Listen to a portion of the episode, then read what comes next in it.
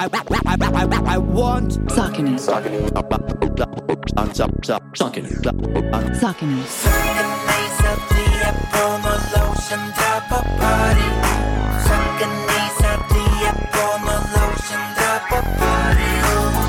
du keep the real, men er ikke sikker. Sjekk ut logoen, at den har tre prikker. At du har ekte vare på beina. Sakkeny, du veit at gutta har det på beina. Og nye modeller, du veit at det tar av med en Dolphin Tempus, Guide og Kinvara. Og ser du en i front mellom grønne og hvite, da er det nok en Dolphin Elite. Og om det er i skauen eller Frognerkilen, på ultraløp eller den breiale milen. De kjører stilen, de skjønner dealen med hashtag Sakene på Instagram-reelen. Og hvis du tror at det skal uttale seg Coney, da er du ikke real, du er phony. Ekte Sakanist, de går som ei kule, og etterpå så hører vi på Grøgårds hule.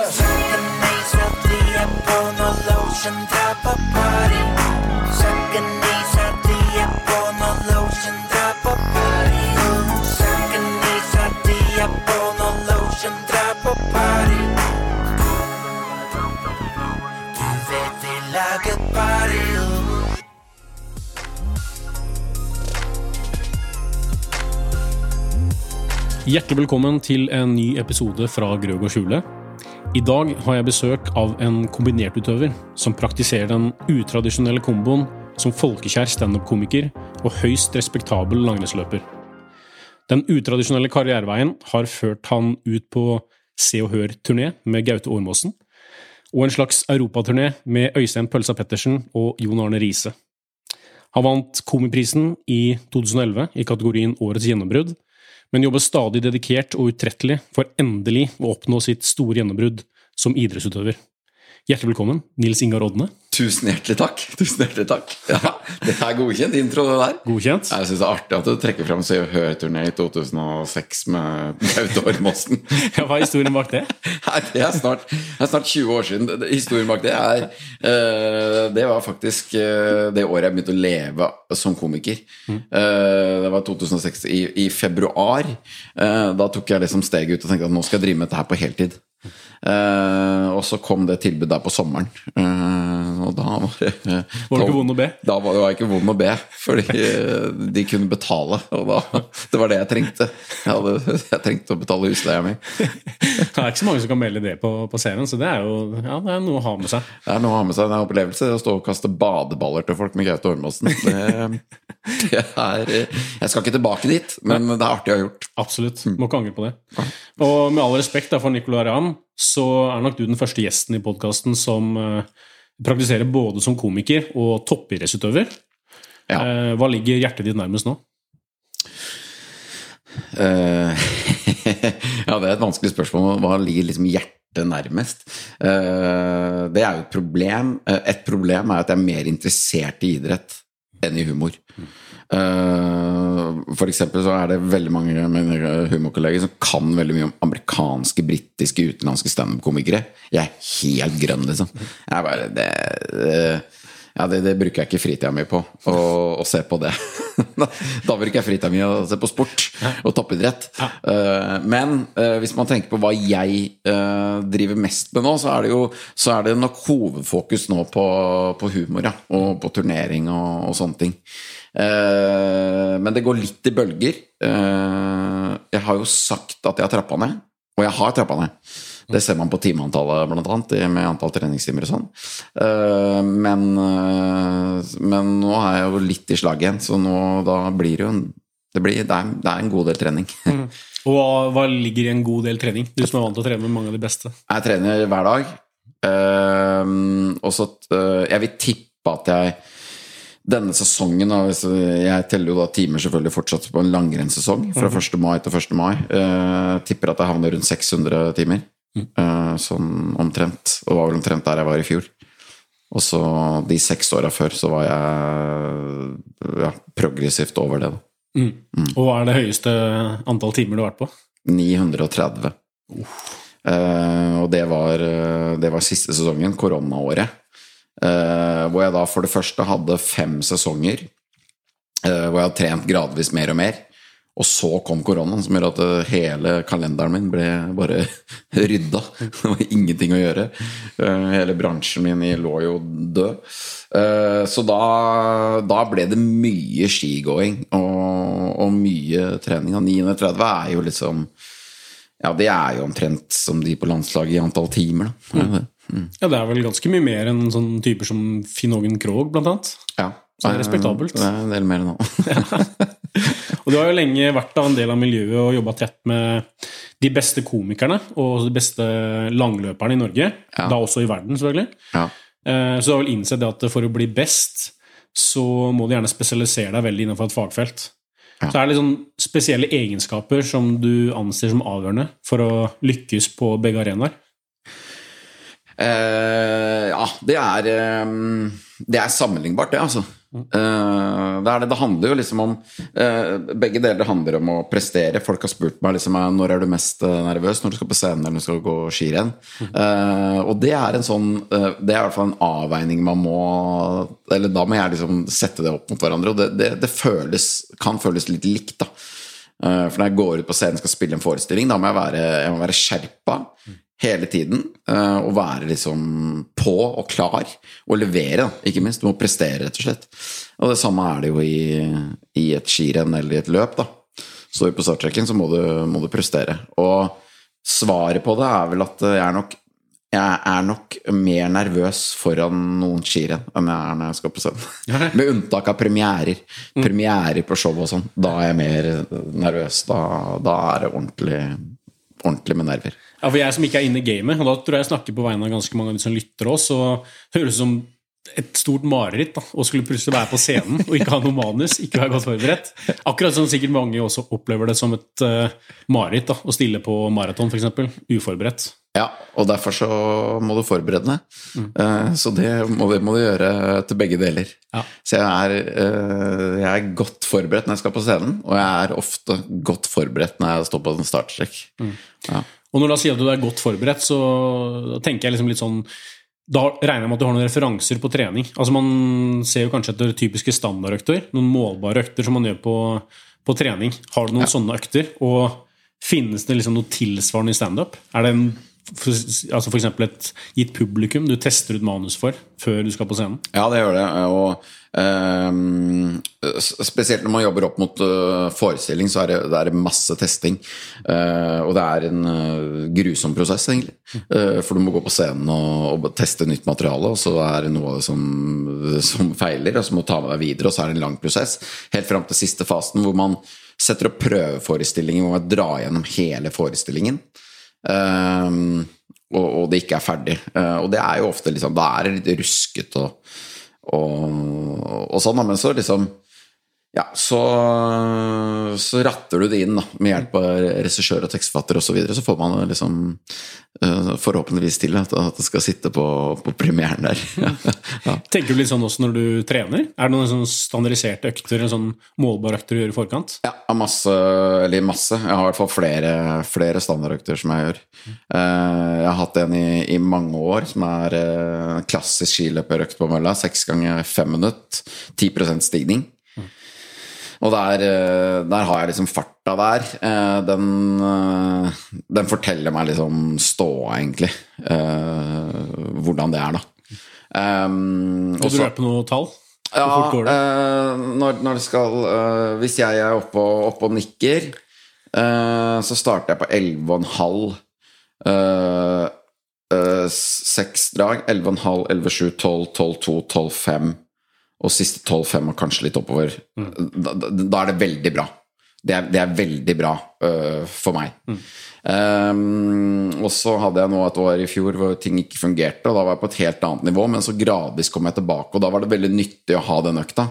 Fordi jeg så liksom at eh, ok, her er det faktisk en progresjon, da. Um, men da ble jeg litt sånn mer reservert og var redd for å liksom starte for hardt, og sånn, for jeg ville liksom stå økta. da Så da har jeg kanskje begynt på 11. Uh, ja.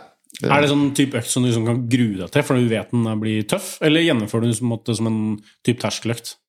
Uh, nei, jeg, kan grue meg litt til den, for jeg vet at den, eh, den blir tøff, ja. Eh, er, jeg, er jeg i form og, og, og ting fungerer, så skal jeg ha bra kontroll på de tre-fire første. Men de to siste dagene der er harde. Eh, det er de. Eh, Therese Johaug var jo også innom her og fortalte om en tilsvarende økt. Ja, da var det, må jeg røpe at det var litt høyere hastigheter, faktisk. Ja. Sabla sterk i bakken. Ja, hun er helt vill i bakkene. Uh, så det er, eh, det er et sjukt nivå å strekke seg etter. Eh, men for å prestere på disse arenaene, så har jeg hørt tidligere også at du har nevnt liksom på ty typ sånn nøkkelord da, for deg, som har Ja. vært vilje og trivsel. Ja. Kan du utdype litt på det? Ehm, ja, det er henta fra et foredrag nå som jeg, som jeg gjør for uh, ja, næringslivet og andre. Uh, som er fra liksom, erfaringene fra toppidrettslivet. da. Eh, og de, de to tinga mener jeg må være til stede for å prestere, da. Og det, og det tror jeg eller mener jeg må, det, er, det ser man også helt på toppen, at det må være til stede. Og der var jo dette, dette med TIFSE litt sånn Jeg hadde ikke tenkt så bevisst på det. Hadde ikke sett det så tydelig, for du ser ikke det uh, når du hører i en podkast eller, eller på TV. Eller sånn, du, du ser ikke at den trivselen må være der, men når du er u, i miljøet over tid, så ser du hvor viktig det er. Det er kameratskapet, man er en gjeng uh, som er på samling, at det er, liksom, det er god stemning. Uh, på øktene. Det er alltid mer Da, da skrus det jo til på seriøsiteten, men etterpå så er det liksom laidback og god stemning, og den der, liksom, vi driver med dette sammen, og dette er gøy, da. Eh, og det syns jeg er kult å ha sett det på nært hold, hvor viktig det er. Uh, og det er litt sånn uh, det, det er viktig at folk tar med seg. Eh, det er en del mosjonister som kan bli liksom veldig seriøse, liksom. Det er viktig å ta med seg det derre det, skal være- det skal være gøy og noe du gleder deg til. Og, og det å ha en gjeng å trene med tror jeg gjør det en del bedre. Da.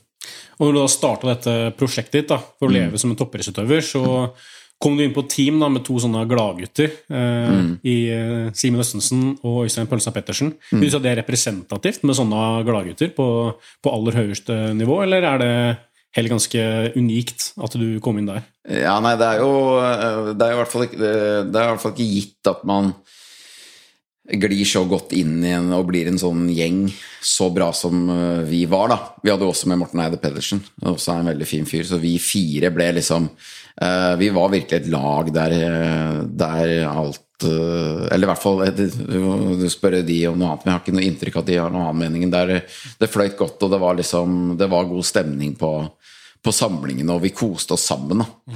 Eh, og det jeg, jeg tror ikke man det, det er masse masse fine folk i, toppidretten, så det er nok tilsvarende på mange andre lag. Men, men for meg, og, med tanke på de jeg går godt overens med, så var jo det litt sånn hel klaff da, inn med de tre gutta der. Si det. Eh, de fleste som, eh, som lytter her, de kjenner deg si fra ganske mange ulike settinger. Du har hatt en ganske lang karriere, så vi skal dra litt gjennom etter hvert. Men ja. kan du si litt med egne ord? Hvem er denne Nils Ingar Odne? Jeg er en enkel gutt fra landet, som jeg pleier å si, jeg. Um, som um, vokste opp på en gård i Andebu i Vestfold. Uh, og var en lang periode veldig interessert i gårdsdrift og spilte fotball. Og det var liksom Det var, det var fotball jeg drev med sånn idrettsmessig. Uh, helt fram til jeg begynte å løpe en fem kilometers runde som jeg hadde sånn fra gården. Eh, Så var det en runde som var akkurat fem kilometer. Jeg begynte å løpe den en del, og fikk det for meg at jeg skulle løpe den en gang i uka. Sånn. Uh, Og noterte alle tidene ned i en liten bok som jeg hadde på rommet mitt. Uh, Og så gikk jo dette fortere og fortere, ikke sant. Og var med Kristina og løp i Tønsberg og sånn. og dette her gikk jo ikke så verst. Så, og så begynte jeg med løping da jeg begynte på videregående, sånn i Tønsberg friidrettsklubb, og var en idretts, idrettsgutt der, da. Skal vi, da- vil du ha hele historien? ja, bare få det på. Dette er interessant. Få det på, ja. Uh, og da ble det jo da ble det all in-satsing. Da løp et par junior-NM og, og sånn. Og har en sjette- og en sjuendeplass fra junior-NM. Uh, Sjuende terreng og sjetteplass på bane, vel. Uh, og så uh, fikk jeg kyssesyke. Kroppen rett i bøtta. Eh, trente med kyssesyken i kroppen, for jeg visste ikke at det var det jeg hadde. Uh, fikk sånn brev i posten, husker jeg, uh, utpå sommeren. Jeg bare 'Du har gjennomgått kyssesyken'. Bare, Ja, det er jo ryddig å si fra om nå. Kunne jeg fått svar på de testene litt før, kanskje. Det var ikke noe helsenorge.no da? Nei, det var ikke noe helsenorge.no. Øh, Det var merkelig at det ikke kom en fyr, egentlig, altså med sånn bud. Men det, det var faktisk post, da. Nei, øh, så øh, Og da kom livet inn på danspor, kroppen responderte ikke på trening. Begynte jeg med standup. Og begynte å leve av det i 2006. øh, Og har levd av det siden. Eh, og gjort masse, masse kult der. Eh, spilt eh, Har vel satt opp tre soloforestillinger. Og masse show, uh, sammen med andre og ja, gjort mye gøy. Og fått være litt på TV og gjøre artige ting der. Men det er live som er liksom Det er det som ligger mitt hjerte nærmest, og det jeg har gjort det mest av, da. Ja.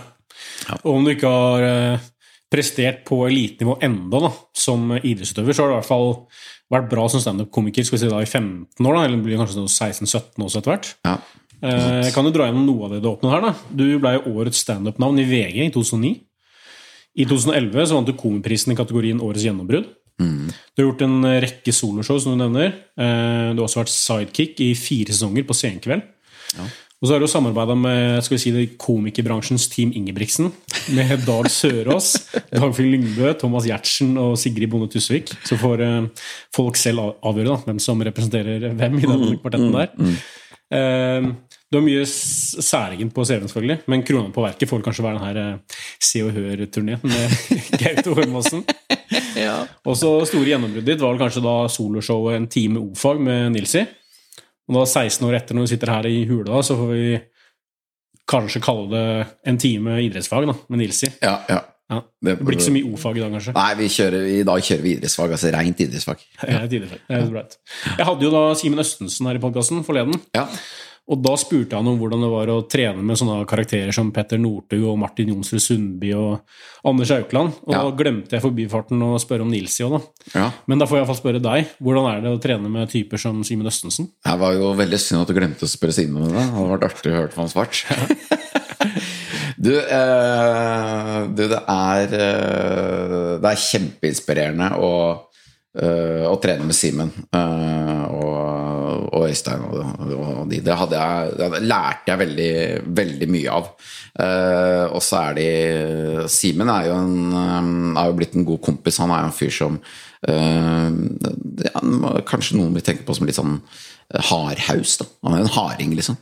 Uh, Men både han og Øystein er, sånn, er veldig Uh, Ja, det er de gode på å se, å se deg hvis det ikke fungerer så bra. Og komme med råd om det. For det kan jeg jo avsløre at det har vært det.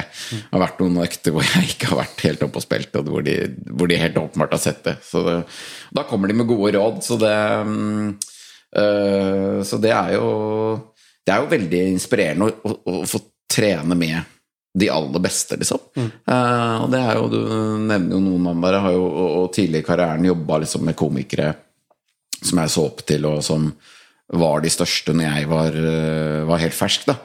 Eh, og det er jo det er inspirerende flere, på flere måter. Og du, eh, du ser jo hvordan de, hvordan de beste jobber, og fått jobbe tett på dem. Det er, det er kjempegøy.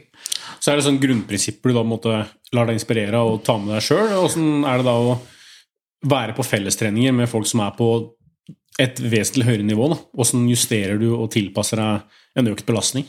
Nei, det er jo Det, eh, det har jo liksom gradvis forandra seg litt, for i starten var jo det øh, vanskeligere, da. Eh, ikke sant? Fordi at uh, for eksempel når jeg begynte i Team BM-bank på det første året der, så er jo rulleskiintervaller var jo helt sjanseløst. Ikke sant? Jeg hadde jo jeg, kunne jo ikke være med de uh, de uh, Når de begynte å pigge fort i motbakke, liksom, så, så hadde jo ikke jeg kjangs, ikke sant. Um, så, uh, men så, øh, med årenes løp, så er jeg jo fortsatt bak, men, men man har jo kunnet være med liksom på samme økta. Sånn, sånn var det jo på løping første året òg, så kan man jo være med på den samme økta. Mm. Fordi man jogger litt ned i pausen, og så samles. Så selv om man er litt bak, så kan man liksom gjennomføre samme. Så det blir jo litt, litt enklere. Da kan du tilpasse nivået ditt litt lettere, da. Ehm, og så var det jo det å, å prøve ikke å gå for hardt på langturer, da. når man skulle eh, henge på de. Som også lot seg, lot seg gjøre greit i, i løping, men, eh, men som var jeg måtte, jeg måtte slippe noen ganger på, på noen langturstaking der for ikke kjøre meg helt i kjelleren. Men du har turt da å gå i kjelleren noen ganger òg? ja da, Ja. ja da absolutt. Og og jeg har nok både trent for hardt og for mye og alt mulig. Jeg, jeg elsker å, å pushe på ja, øh, teste kroppen sine grenser. Eh, Så der har jeg nok gått på øh, mange sånne flauser som mange snakker om. Jeg kan jo kjenne meg litt igjen i det, fordi jeg spilte jo egentlig fotball sjøl. Og Ja. så ga jeg meg med fotball i andre klasse på videregående, og fikk da muligheten til å trene med langrennsgruppa istedenfor. Og dette var jo da Mikael Gunnulfsen var virkelig på gang. Ja. Så begynte å gå intervaller på ski da, med sånne typer. Ja, Jeg var jo sånn decent på ski, tenkte jeg. da, Jeg har gått mye på ski i oppveksten og liksom kunne stake og skøyte og holde på, men fikk liksom litt sånn ja, det var, det var tøft da, å være på, på intervalløkter med typer som Mikael Gunnulfsen. Ja. Fikk du liksom noen gang noe sjokk når du møtte opp på, på disse stakeintervallene? sånn, Dæsken, nivået på de aller beste er høyt, ass. Ja, i starten var jeg helt sånn shit, uh, hva er det de driver med i motbakkene der, liksom? Uh, og det gikk jo selvfølgelig teknisk ekstremt mye bedre, ikke sant. Så jeg husker jo de første uh, Det første året der så måtte jeg gå med, med fest eller bruke beina, fordi hvis ikke så fikk jeg ikke nok igjen for de øktene. Jeg brukte faktisk Jeg brukte faktisk fire sesonger på å kunne gå kontrollerte, progressive motbakkeøkter i staking. Altså i den forstand at eh, eh, at jeg kunne ja, starte kontrollert og øke underveis. da. Tidligere så, så jeg også starta det jeg mente var kontrollert, og hvis jeg hadde starta roligere enn det, så hadde det på en måte ikke blitt intervall, for det hadde vært I2, liksom. Så det hadde blitt for lett. Men det tok så lang tid før armene liksom var At jeg var sterk nok da, til å stå en sånn type ja, Dette var jo snakk om lange intervaller, hvor det har en time dragtid, ikke sant. Øh, noe oppimot det. Seks ganger ti minutter, f.eks. Uh, I Grefsenkollen, som jeg gjorde de siste, de siste årene, da, da kunne jeg liksom gjøre det. Gikk jeg liksom tre drag på I3, og så kunne jeg gå litt sånn progressivt opp de fire. Eh, de tre siste dragene, og det gikk tida gikk også litt ned, da. Men det, det tok fire år med ganske mye staketrening. Og det er kanskje litt sånn Kanskje depressivt for mange å høre, Fordi det, men det, det er en tålmodighetsprøve, det der, altså. Men fire år investert, hva, hva ble avkastninga? Nei, avkastninga ble jo eh, Ja, jeg, jeg fikk jo et løft den siste sesongen min, da. Eh, som jeg syns var veldig Det var veldig gøy. Den, eh, det året jeg trente 39 timer og, og, og under koronaen her. Da gikk jeg, da gikk jeg spesielt tre veldig gode skirenn som eh, som jeg syns var gøy. Det følte meg liksom Følte meg blant annet veldig mye sterkere siste to mila, siste mila, liksom. Altså sto en femmil eller lenger, fem eller seks eller 70. Bra, da. Uh, og det er en ganske, ganske kul følelse, ikke sant. Som, uh, som jeg skjønner at mange som ikke driver med idrett, skjønner men hva er, liksom, er det så viktig, liksom. Men alle som driver og trener en del, tror jeg kan kjenne seg det, igjen i den der følelsen av å kunne prestere. Kjenne seg sterk gjennom en hel distanse.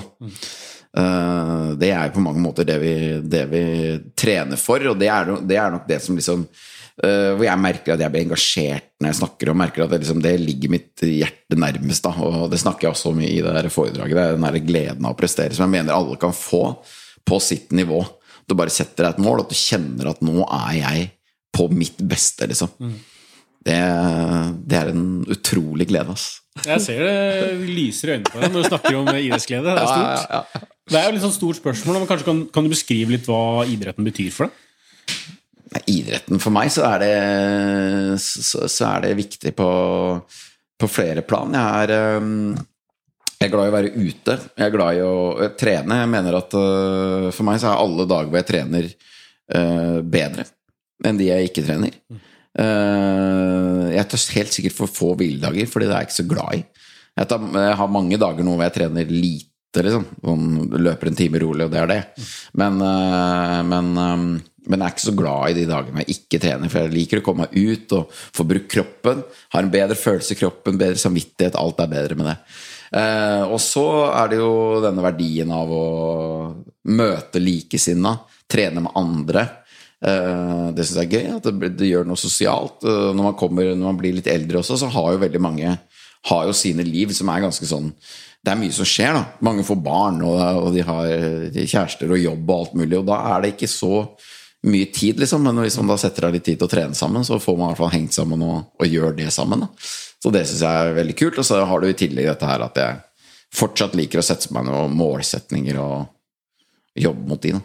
Vil du si at du kunne drevet med idrett på altså tilsvarende mengde og nivå hvis du ikke hadde noen mål der framme? Altså, føler du den genuine liksom, nakne interessen og gleden av idretten, eller er det ofte også knytta mot at du skal prestere på noe som du har liksom satt deg et mål for?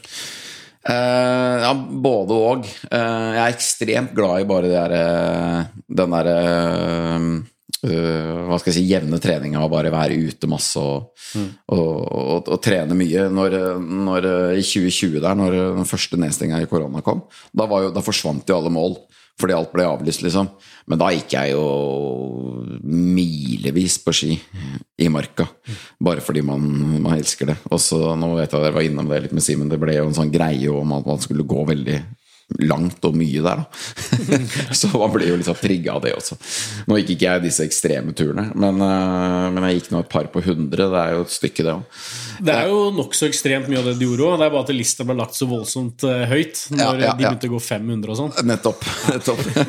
det er liksom noe annet, føler jeg. Før så var jo 100 ganske ekstremt. Ja, før så var 100 ganske ekstremt. Det ble, og det føler jeg, den lista, den ble, den ble den ble jekka opp der, og den har ikke gått ned igjen.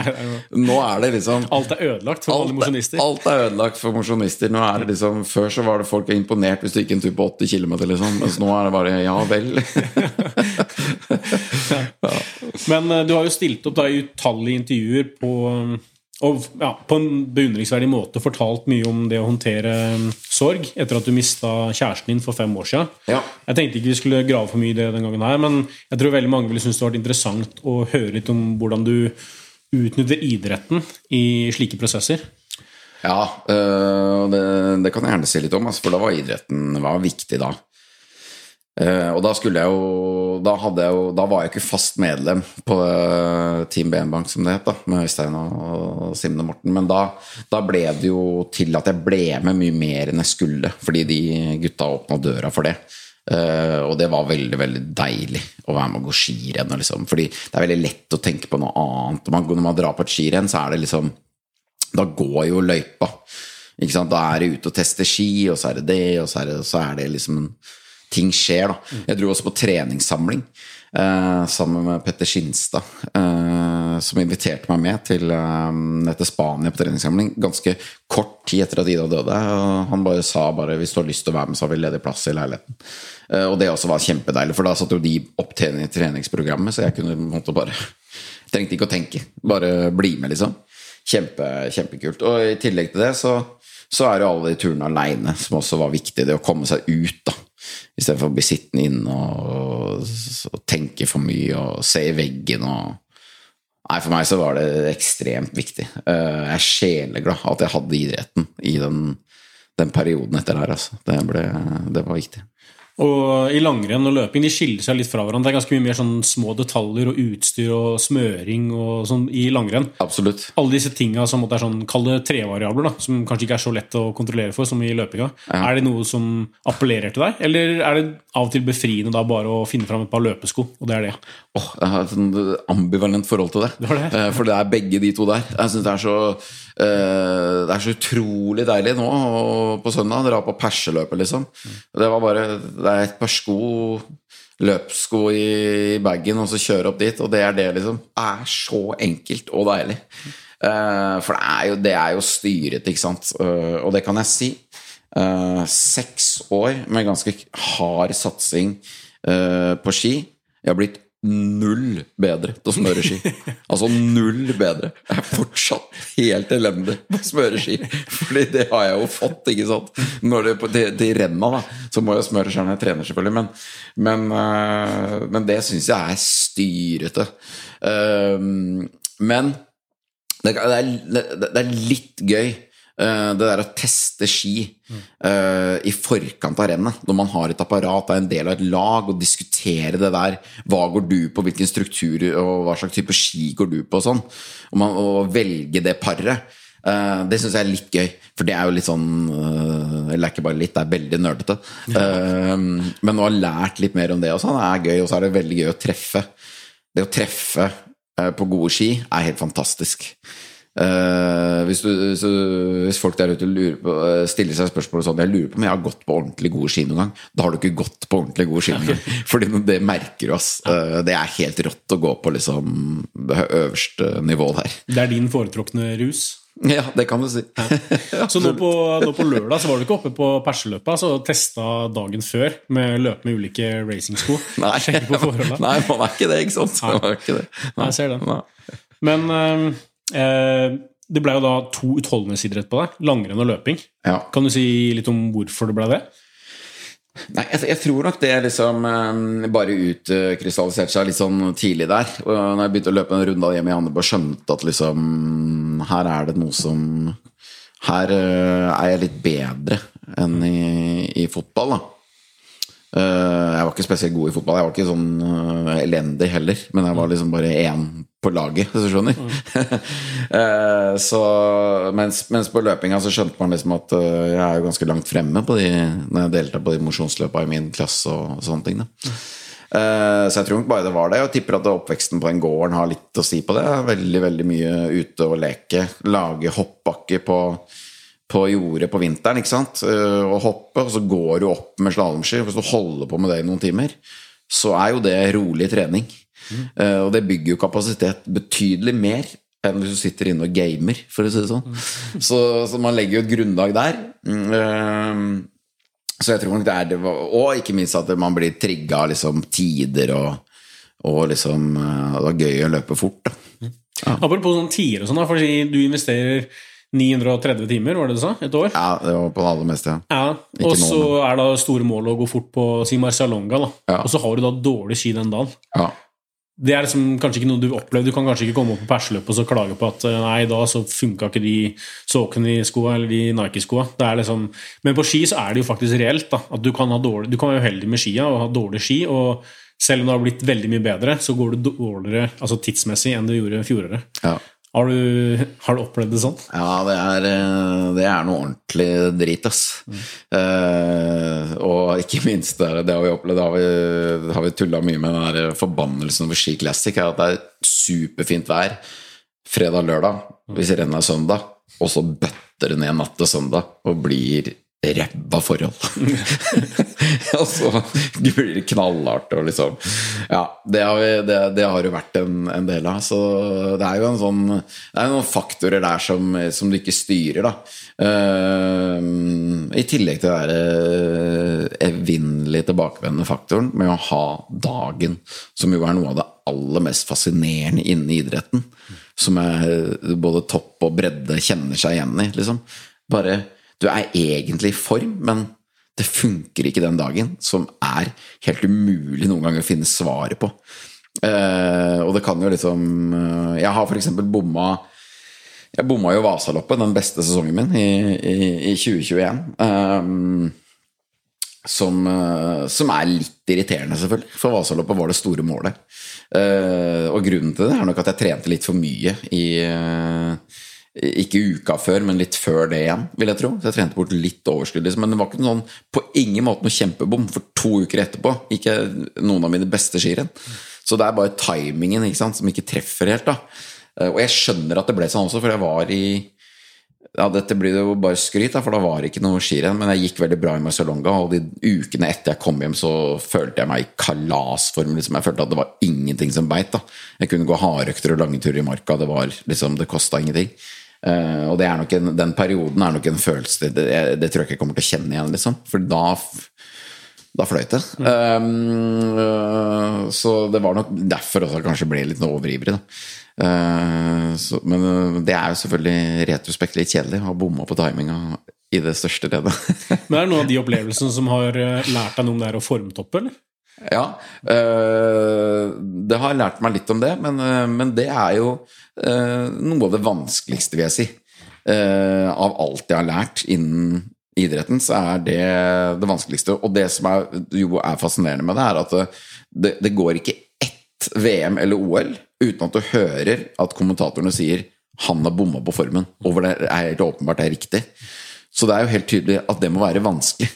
Ikke sant? For helt på toppnivå så er det folk som bommer på formen til mesterskap.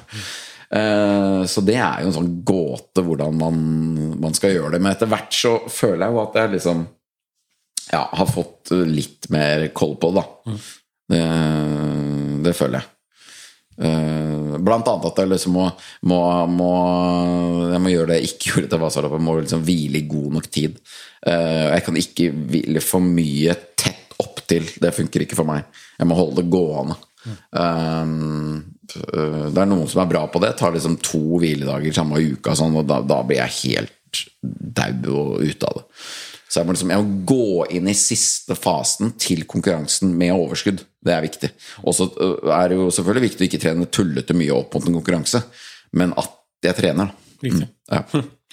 Hvis du kunne valgt fra øverste hylle, da, en annen idrett, hvilken idrett skulle du gjerne vært virkelig god i?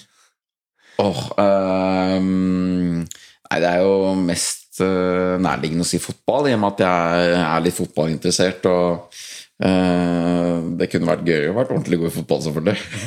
jeg spiller den der uh, verdikampen på mot kjendiskampen på, på Norway Cup hvert år. og der er det jo så mange uforløste drømmer sant, som, som, skal i gang. og folk har vært på sånn helt habilt nivå, og nå skal de vise at de er ikke bare driver med noe annet. Uh, Chris Holsten og, og uh, ja, mange der som skal Morten Ramm og jeg og Nicolay Ramm og som skal liksom, Nå skal vi vise oss. Og jeg er ok i fotball. Det er veldig gøy, for det huet sier at det her kan jeg, ja. og så følger ikke alltid kroppen helt med. I fjor gikk jeg jo på kjempestrekk. Uh, for de første åra jeg var med der, så var jeg jo Det er sikkert ti år siden. Da var jeg rundt 30, nå er jeg blitt 40. ikke sant? Så nå er jo problemet at nå, nå, kan jeg ikke Jeg kan ikke gå ut på der nå og gi bånn gass. Da, da, er det strekk, da. så jo, jeg klarte å ta det litt eh, lugnere i starten, så jeg berga.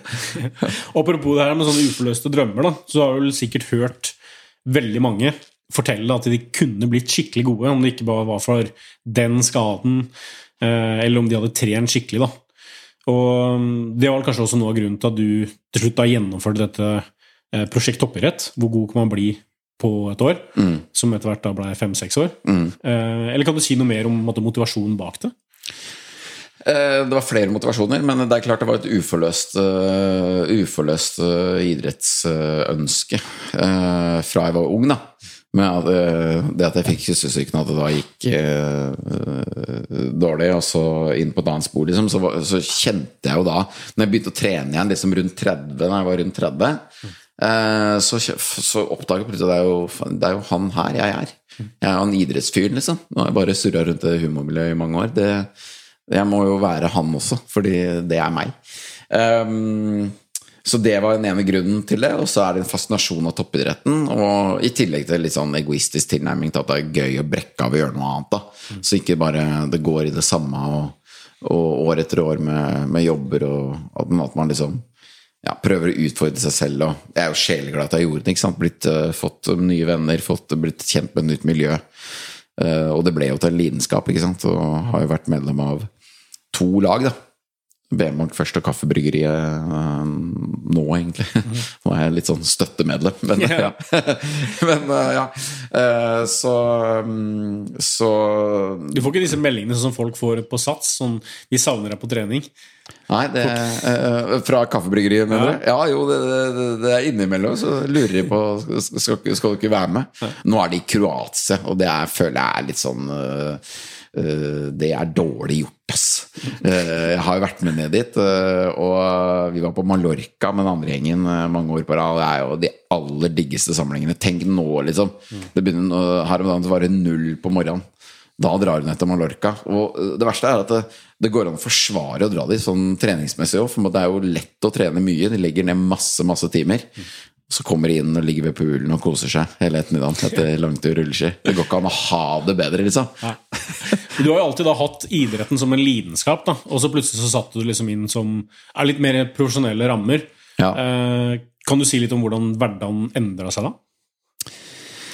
Uh, ja, det, det endrer seg jo uh, både, både faktisk og også oppi hodet med, med det at, det- at det blir litt mer sånn Det er eh, mer ensidige fokuset.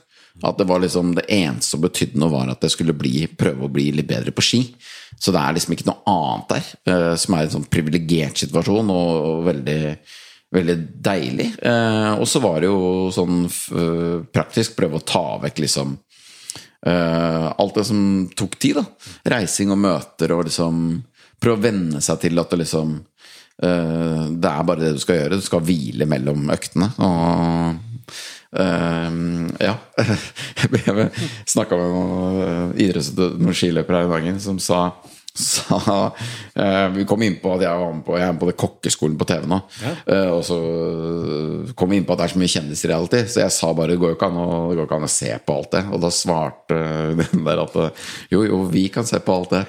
For vi skal bare trene. Og så skal vi inn og slappe av. Så vi ser på alt det. Så du ble åpenbart veldig mye bedre til å trene, men du ble veldig mye bedre til å hvile også? da? Ja, det, det, det vil jeg si, og, og, og det var også noe av grunnen til, tror, tror jeg da selv, at det året hvor jeg trente 930 timer, som er mest trening, men det var også det året hvor det var lettest å slappe av, fordi da var det jo nedstengt. Så jeg hadde jo ikke alle disse jobbene, ikke sant? jeg hadde ikke noe reising. Eh, Det lille som foregikk av møter, var på Teams, ikke sant? så det var på en måte Du tok vekk all energitappinga der, da. Eh, og da blir du i stand til å trene ganske mye mer. Altså. Når, du, når du holder på med det over tid, så, så gir det resultater. Da. Og et viktig element da, i sånn restitusjon det er jo mat og drikke. Og Du nevner jo her at du var med nå på kokkeskolen på TV 2. Ja. Var det liksom sånn Var det med hensikt om å bli bedre til å lage mat som kan gjøre deg til en bedre toppidrettsutøver, eller var det noe annet? Det var hensikt eh, med med å bli bedre til å lage mat, ja. Det var derfor jeg takka ja. Og du har blitt det? Eivind Hellstrøm, fantastisk fyr. Eh, eh, jeg- vil si at jeg er blitt litt bedre. For jeg lærte ganske mye av han. Han er jo en legende, liksom. Så det var utrolig gøy å være med på. Men at at jeg presterer noe bedre av det jeg lærte av han, det tror jeg ikke. For det, kan jeg si at det var jo da Truls Svendsen og Eivind Hellstrøm som bedømmer denne maten. Eh, Og de to gutta der, de er altså så glad i smør og salt. Jeg regner med at det var det du skulle nevne. At det, det, det, det, man presterer ikke bedre av å spise den maten de liker. Det er jeg helt sikker på. Jeg har sett, eh, jeg har sett Hellstrøm steike biff i smør, og da Ja. ryker en pakke gjerne. Da ryker, da ryker det mye, ass. Så det var ikke noe særlig pasta og laks altså, på kokkeskolen? Nei, pasta og laks. Bare lite av der. Og det blir jo mye av hjemme hos meg, liksom. Så det er, det er noe med det der, eh, det der vanlige. Men det har kanskje blitt litt bedre på litt mer sånn pastasauser fra bunnen og sånn. Mm. Uh, Før så ble det mye pesto, uh, mens nå lager jeg det litt mer sånn uh, selv, da. Og det er jo det er litt gøy, det. Veldig bra.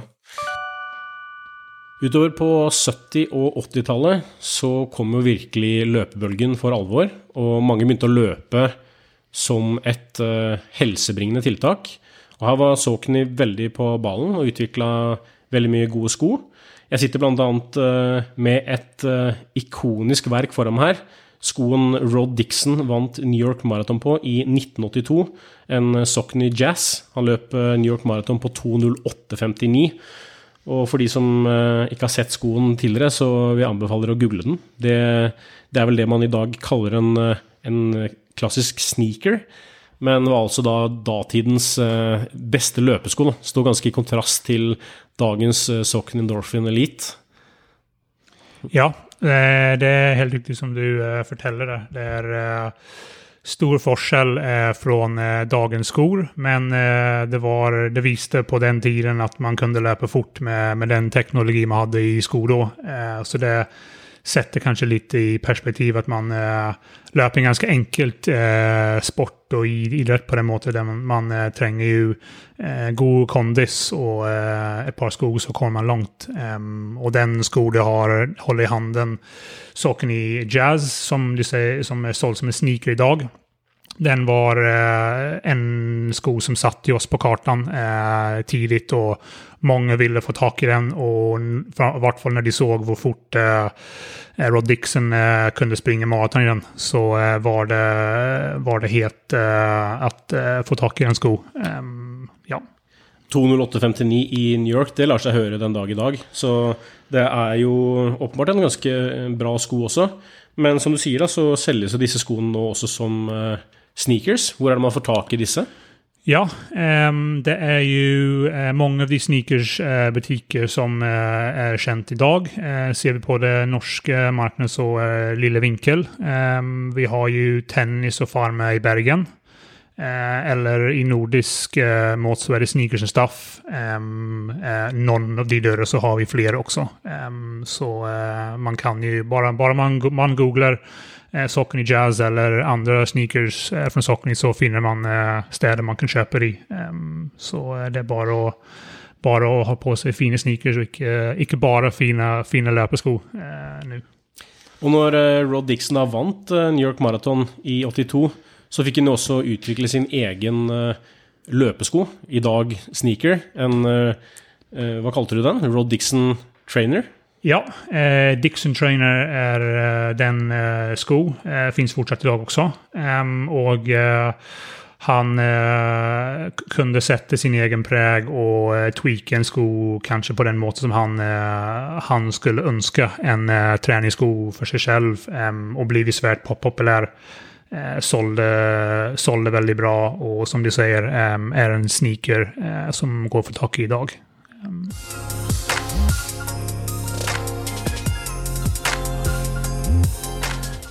Du har jo da også dette foredraget som vi har vært eh, innom og snakket litt om det her eh, gleden av å prestere. Um, vil du si liksom at du opplever samme mestring og godfølelse når du blir si nummer 70 da, i Birken, som, som de som er oppe og vinner? Du har jo da vært på lag med de som vinner også. Opplever du måte samme mestringsfølelsen, tror du? Ja, det jeg, jeg tror jo nesten det, altså. Jeg tror nesten det. Det er den der følelsen i kroppen av å liksom ha fått det jeg er god for. Hvis jeg tenker meg tilbake på de rennene som jeg liksom øh, øh, virkelig presterte. Det som er litt vanskeligere for oss bak der, er at vi, vi vet jo ikke helt hvordan vi ligger an. De i front vet jo liksom De vet jo veldig tydelig om dette blir bra eller ikke, liksom. Øh, Fordi de veit om de ligger på andre eller 20.-plass, liksom. Uh, mens uh, vi må sjekke gjerne litt resultatlister og sånne ting, men du, du merker jo liksom at kroppen fungerer. Uh, og så hvis man tar tillegg liksom for, for sjekke lista og den er, den er god, så tror jeg den følelsen er ganske lik, ass. Jeg tror egentlig det. Ja, Jeg tror jeg absolutt. Jeg var jo på en sånn liten bankett etter Valencia Marathon i fjor. Ja. Og Der var jo Serey, som hadde løpt på 2.07. Ja. Så var det jeg og en annen gjeng som kanskje rundt 2.30, mens andre hadde løpt på 4,5-5 timer. Ja. Og alle satt der med samme følelsen, tror jeg. At de hadde prestert på sitt nivå. Hadde på en måte tilsvarende opplevelse. Ja. Pusha kroppen, det hadde svart. Det var utrolig tilfredsstillende. Ja, ja, ja. Og for mange av de eh, som har- de, har, løpt- de som løper maraton på fire timer, så er det kanskje er det en enorm jobb. Sant? Fordi de har kanskje vært på et mye dårligere nå. De har trent seg opp dit. da uh, og det er, det, er, jo, det er jo det som gir den følelsen. Det er jo på en måte den, å, å dedikere seg litt til dette målet og ta konsekvensen av det målet, og så nå det. Uh, og den, den tror jeg man kan få på nær sagt alle nivåer. Altså. Og det tror jeg er litt viktig å huske på for, for alle. Fordi ja, i toppidrettsmiljøet så er det jo veldig sånn toppfokus, og at det er det som gjelder, liksom. Men jeg, eh, det er like gøy bak der. Hva vil du si er din største idrettslige opplevelse? Oi. Ja, det er jo et eh, Som jeg har øh, gjort selv, liksom.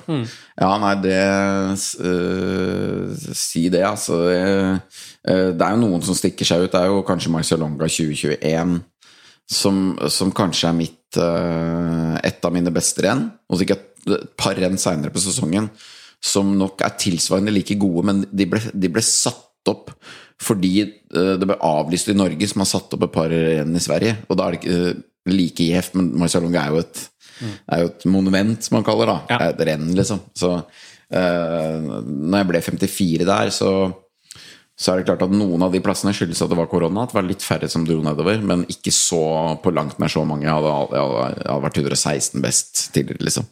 Eh, Og bare den opplevelsen av å gå de skirennet, jeg, jeg følte meg kjempebra. I nesten alle 70 km. Så I et par det er gøy. år så er du vel topp 50. Det ryker noen folk med dopingavsløringer Ja, ja, ja, ja, ja. du 50. Jeg kom i mål som 55. Det var en som ble diska. Det var det. Ja, som ble diska, og så plutselig var jeg 54. Så, Ja, men der ser du. Plutselig så er det topp 50 der òg. ja, ikke sant? Men eh, dette å kombinere toppidrett med komikk er ikke så veldig vanlig. Du har jo prøvd det. Ja. Eh, Hvilken annen, komiker tror du kunne gjort det ganske bra som toppidrettsutøver? Um, ja, det er jo fristende å gå rett til Jonas Bergland, da, som han alltid går til. Han har jo vært skiløper. Eh, så han har vel egentlig kombinert det. Jeg husker når jeg ble kjent med han, uh, og vi var litt sånn, hva skal jeg si, nykommere sammen, da, drev jeg, da gikk jo han NM på ski og sånn.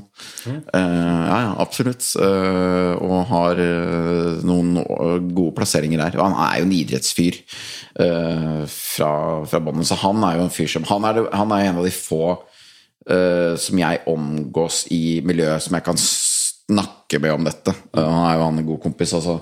Han, men han kan jeg si liksom Løp perseløp på 34,11. Jeg snakka med han i stad, faktisk. Da, da, da vet han hva det innebærer. Hva- Da kan han spørre hva er målet og sånne ting. Mens en del andre kollegaer vil ikke skjønne de vil jo ikke skjønne hva det er snakk om. Ja. Det er jo et problem, som du sikkert kjenner til. eh, er at man, man merker Jeg kan altså merke i løpet av to setninger om folk skjønner hva det er snakk om eller ikke når det gjelder idrett. For det er liksom det, det, ja, det, er, det, det kommer så Bare liksom ja, 3.30-fart, liksom. Og hvis den andre tar den referansen, da ok. Da, kan- da veit jeg hvilket språk jeg kan snakke med til deg. Mens noen andre så må du liksom snakke sånn helt som om du forklarer til et barn. Ja. Du får oppfølgingsspørsmål som løp du hele veien. Ja, ja, ja. Ingen stopp. Ingen stopp. Ja. Ja. Og motsatt rekkefølge, da. Hvilke, hvilke, ko, nei, hvilke mm, toppidrettsutøvere tror du kunne hevda seg bra som komikere? Ja, det er jo noen som har Det er noen som til stadighet prøver, da. Så det må jo være, det må jo være noen av dem. Uh, uh, nei, si det, altså. Det er jo det er jo et vanskelig steg å ta. fordi at det å være litt sånn artig intervjuer og liksom komme opp på en scene og liksom skulle levere sånn uh, Det med all respekt er noe litt annet. Eh, fordi det, mange vil nok oppdage da at, uh, at vi ikke bare går opp på en scene og snakker. Veldig mange tror jo det. At eh, jeg blir så imponert om jeg bare kan gå opp der og bare prate, liksom. Og det gjør vi jo ikke. Vi skriver tekster, vi tester, uh, vi diskuterer med hverandre. Vi vet når et ord må ligge hvor i setningen for at det skal bli morsomst. Ikke sant? Det er jo et håndverk. Um, så um, så uh, da må det jo være noen som er villig til å gå inn det på den måten. Men det er klart at både Øystein og Petter Northug er jo kjappe i kjeften, liksom. Så de, og de har nok evnen til å levere vitser. Jeg kan jo snakke for min egen del, og jeg nyter jo liksom tilværelsen som sånn halvgod mosjonist. Men det å være en halvgod komiker, det høres helt grusomt ut. Ja, det, det går ikke, ikke sant? Det er problemet med det. Ja. Det, det er problemet med det, og det, det har vi. Vi har jo et svært humormiljø i Norge, og det er jo en del der som er litt sånn humormosjonister, hvor, de ikke- hvor de ikke kommer videre og blir bedre. Og de blir jo liksom Da blir det litt mye sånn halvbra, da. Men det er likevel flere hundre norske som definerer seg vel som komikere på fulltid. Absolutt, og det har blitt vanvittig mye større de siste årene. Eh, og veldig mye utvida med antall scener og sånn, så nå, nå er det jo standup over, over hele byen, liksom. Eh, og det er jo også litt kult, da, at det er veldig mange av de nye komikerne som har starta egne scener. Sånn, og det, det viser jo en dedikasjon, da, en vilje til å bli bedre. Eh, som litt som uh, unge idrettsutøvere, på en måte. Som uh, tar litt sånn skjeen i egne hender og starter egne lag og liksom egen satsing. Ja.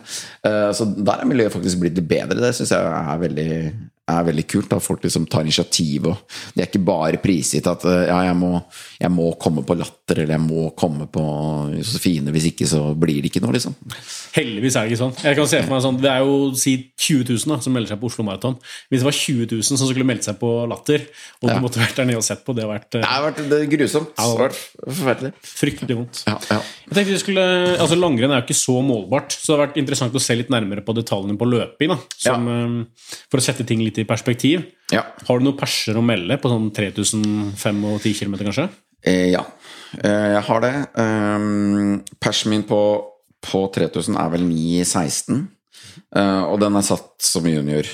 Ja. Så den har, jeg ikke, den har jeg ikke slått i voksen alder, rett og slett. Tror du skal være mulig å ta den? Um, jo 3.05 på kilometeren. Det er 3,05 på kilometeren. Uh, ja, det er ikke umulig, men, men det er klart det, blir vanskeligere og vanskeligere å slå de korte distansene. For man blir jo ikke raskere med åra. Uh, altså, jeg er jo betydelig bedre grunntrent nå enn jeg satt den i 16. Mm. Og mer treningssmart. Uh, og mer treningssmart, så det, det er det ingen tvil om. Men spørsmålet er om beina liksom går så fort. Uh, det er jeg usikker på, for det der merker jeg det er det er noe av det som forfaller mest. Altså. Jeg må si det, og det er noe av det som Kanskje en langrenns har gjort meg seigere år, liksom, men jeg har, jeg har litt lite fart i kroppen. Så jeg er litt usikker på det. Men, øh, men fem kilometer, den, den, den satt jeg for et par år siden. Eh, nå husker jeg faktisk ikke om det er 16.07 eller 16.09. eh, men det er noe rundt der. Da gir vi deg 07. Eh, vi, skal, vi kan gi 07. Ja, ja vi kan, vi Føler folk eh, arresterer i etterkant i kommentarfeltet på episoden. Ja, jeg, det, var, det, var, det var perseløpet når perseløpet var på sanden der.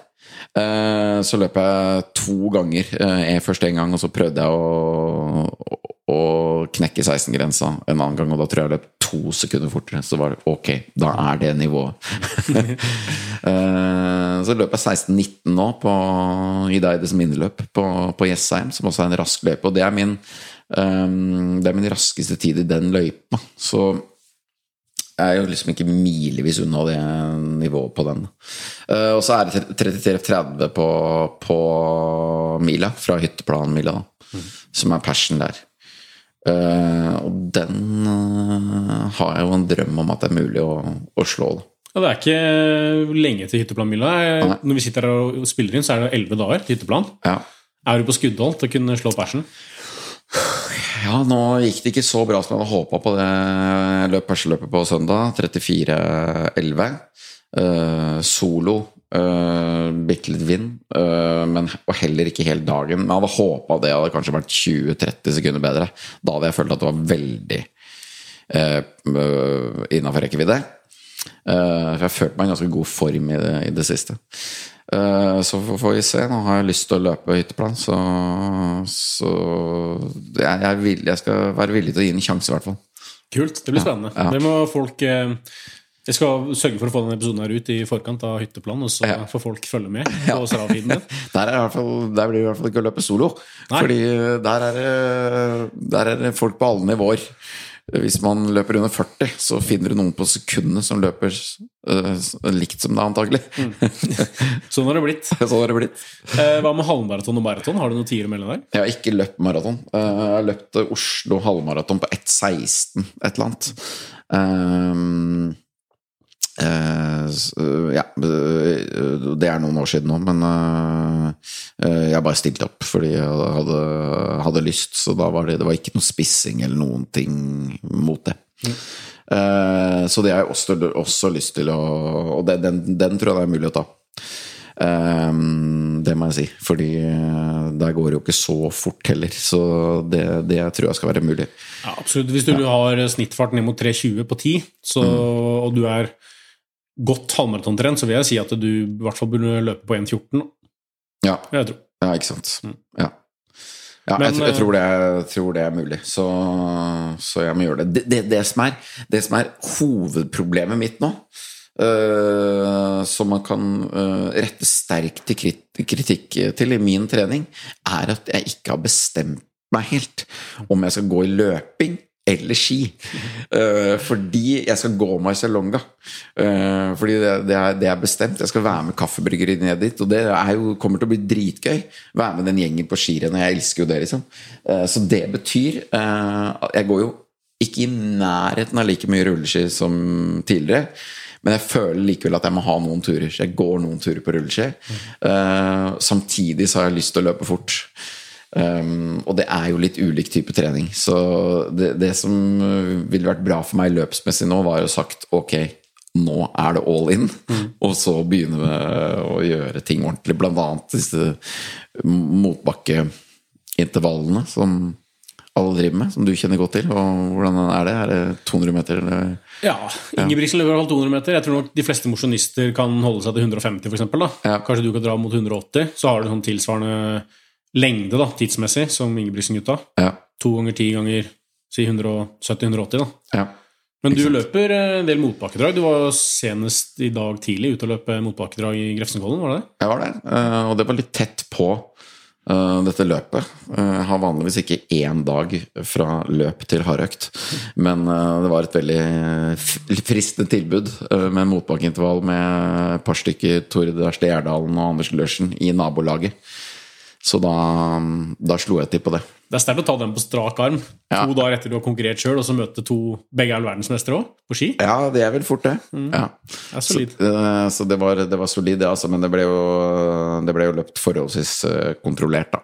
Det gjør det. Så det, men jeg var, jeg var dårlig i beina. Men, men formen er, er brukbar, altså. Og humøret var alltid på topp. Og humøret var på topp og alt mulig. Så det, ja. Og for de som vil sjekke de detaljene, de kan jo stikke inn på Strava. Tenkte vi skulle ta litt Strava-prat der, da, for eh, foreløpig har du en del flere følgere på Instagram enn du har på Strava. Eh, men jeg ser det for meg at det fort kan bli sånn jobb også da, på Instagram. For all del, du er dyktig på å holde ting ganske sånn personlig og jordnært også på Instagram. Men på, um, på Strava så kan man også få litt mer innblikk da, i treninga di, detaljene og sånn. Ja. Eh, og i dag var du jo på, på trening med to tidligere verdensmestere på, på ski. Ja. Er det sånn av og til at du lar deg rive litt med eh, fordi økta skal ut på Strava? Ja, det, det kan fort skje, det, ja. Det, det kan det. Det er vel noe som mange kjenner seg igjen i, det vil jeg tro. Eh, jeg prøver å være flinkere der. Og så har jeg også eh, de to siste åra, vel. Eh, så, så styrer jeg litt hva jeg legger ut. Jeg hadde, alt ble automatisk lagt ut en periode. Eh, Men det gjør jeg ikke nå, da. Så kan er sikkert noen som kan kritisere det eller ikke, men jeg mener at eh, Eller jeg, føler ikke at alt har nyhetens interesse. Når jeg trener noe styrke eller et eller annet, så føler jeg det, det er begrensa hva, hva det gir folk. Men, men jeg prøver å legge ut en, en del nå om dagen, i hvert fall. Så um, man blir jo litt sånn glad i å, å sjekke det, og man kan bli litt inspirert også. Og se hva andre trener, og, og at folk er i gang. Da. Eh, absolutt. Så du legger ikke ut eh, golf og sånn på Strava, Så, som jeg har mange gjør? Nei. Spiller jeg ikke golf lenger heller, men eh, nei, det, det legger jeg ikke ut. Og så eh, liker jeg trykker aldri like eh, på de som eh, driver med sånn Swift. For det føler jeg er, det er på grensen til dataspill. Når man sykler på en skjerm, selv om de sitter hjemme og sykler. Det, det tenker jeg, det, nei, det holder ikke for meg. Såpass eh, må lista legges på. Ja, Såpass må lista Ja. legges på. Har du noen, eh, noen minneverdige økter du kan eh, trekke fram? Og jeg har mange minneverdige økter. Det- er jo alt fra ski Alt fra gode eh, Gode intervaller til, til lange, fine skiturer og Uh, og. Jeg hadde en, hadde en skitur. Det var i den perioden da jeg var i, i bra slag den vinteren der. Og så gikk jeg en langtur dagen før. Og så tenkte jeg, det eneste jeg tenkte på da jeg kom inn, at i morgen skal jeg gå en ny langtur. Var så fint i marka, liksom. Og jeg var i form. Og da gikk jeg, uh, da gikk jeg opp til Gjæringen fra Kjelsås. Uh, Og så kom jeg til Gjæringen og bare Shit, nå er det langt hjem, ass. og den følelsen står der på bare For jeg gikk langt i går, og nå er det, nå er det, nå er det langt hjem. Og det er ikke så mye næring i det, det beltet mitt, liksom. Jeg har med et par gel her og sånn, men altså, det, gikk, det gikk bra. Men den, ja, den ble 90, den, da. Eh, Halvlang, da. ja, Halvlang. halv, altså halvlang tur. Hadde liksom gått 70 dagen før, eller hva. Så Fikk du like da av Simen Østensen? ja, det vet jeg ikke. Det husker jeg ikke. Det kan hende at han unte meg det da, kanskje. Ja. Bra innsats. Bra innsats, ja. Nei, og så er det jo mange minneverdige økter med, med, med disse laga og sånn, som har vært um, Som har, har vært gøy. Jeg har én Nå er jeg litt sånn usikker på hva jeg skal fortelle om eller ikke, men jeg har én nede, fra- nede fra Er du usikker, vær skråsikker. Ja, vær er skråsikker på å fortelle den. Uh, nei, det er bare fordi det var en stor opplevelse for meg. Vi, hadde, vi var på Mallorca, da. eh, og trente der nede. Langtur med intervall, og det er altså Det er harde greier.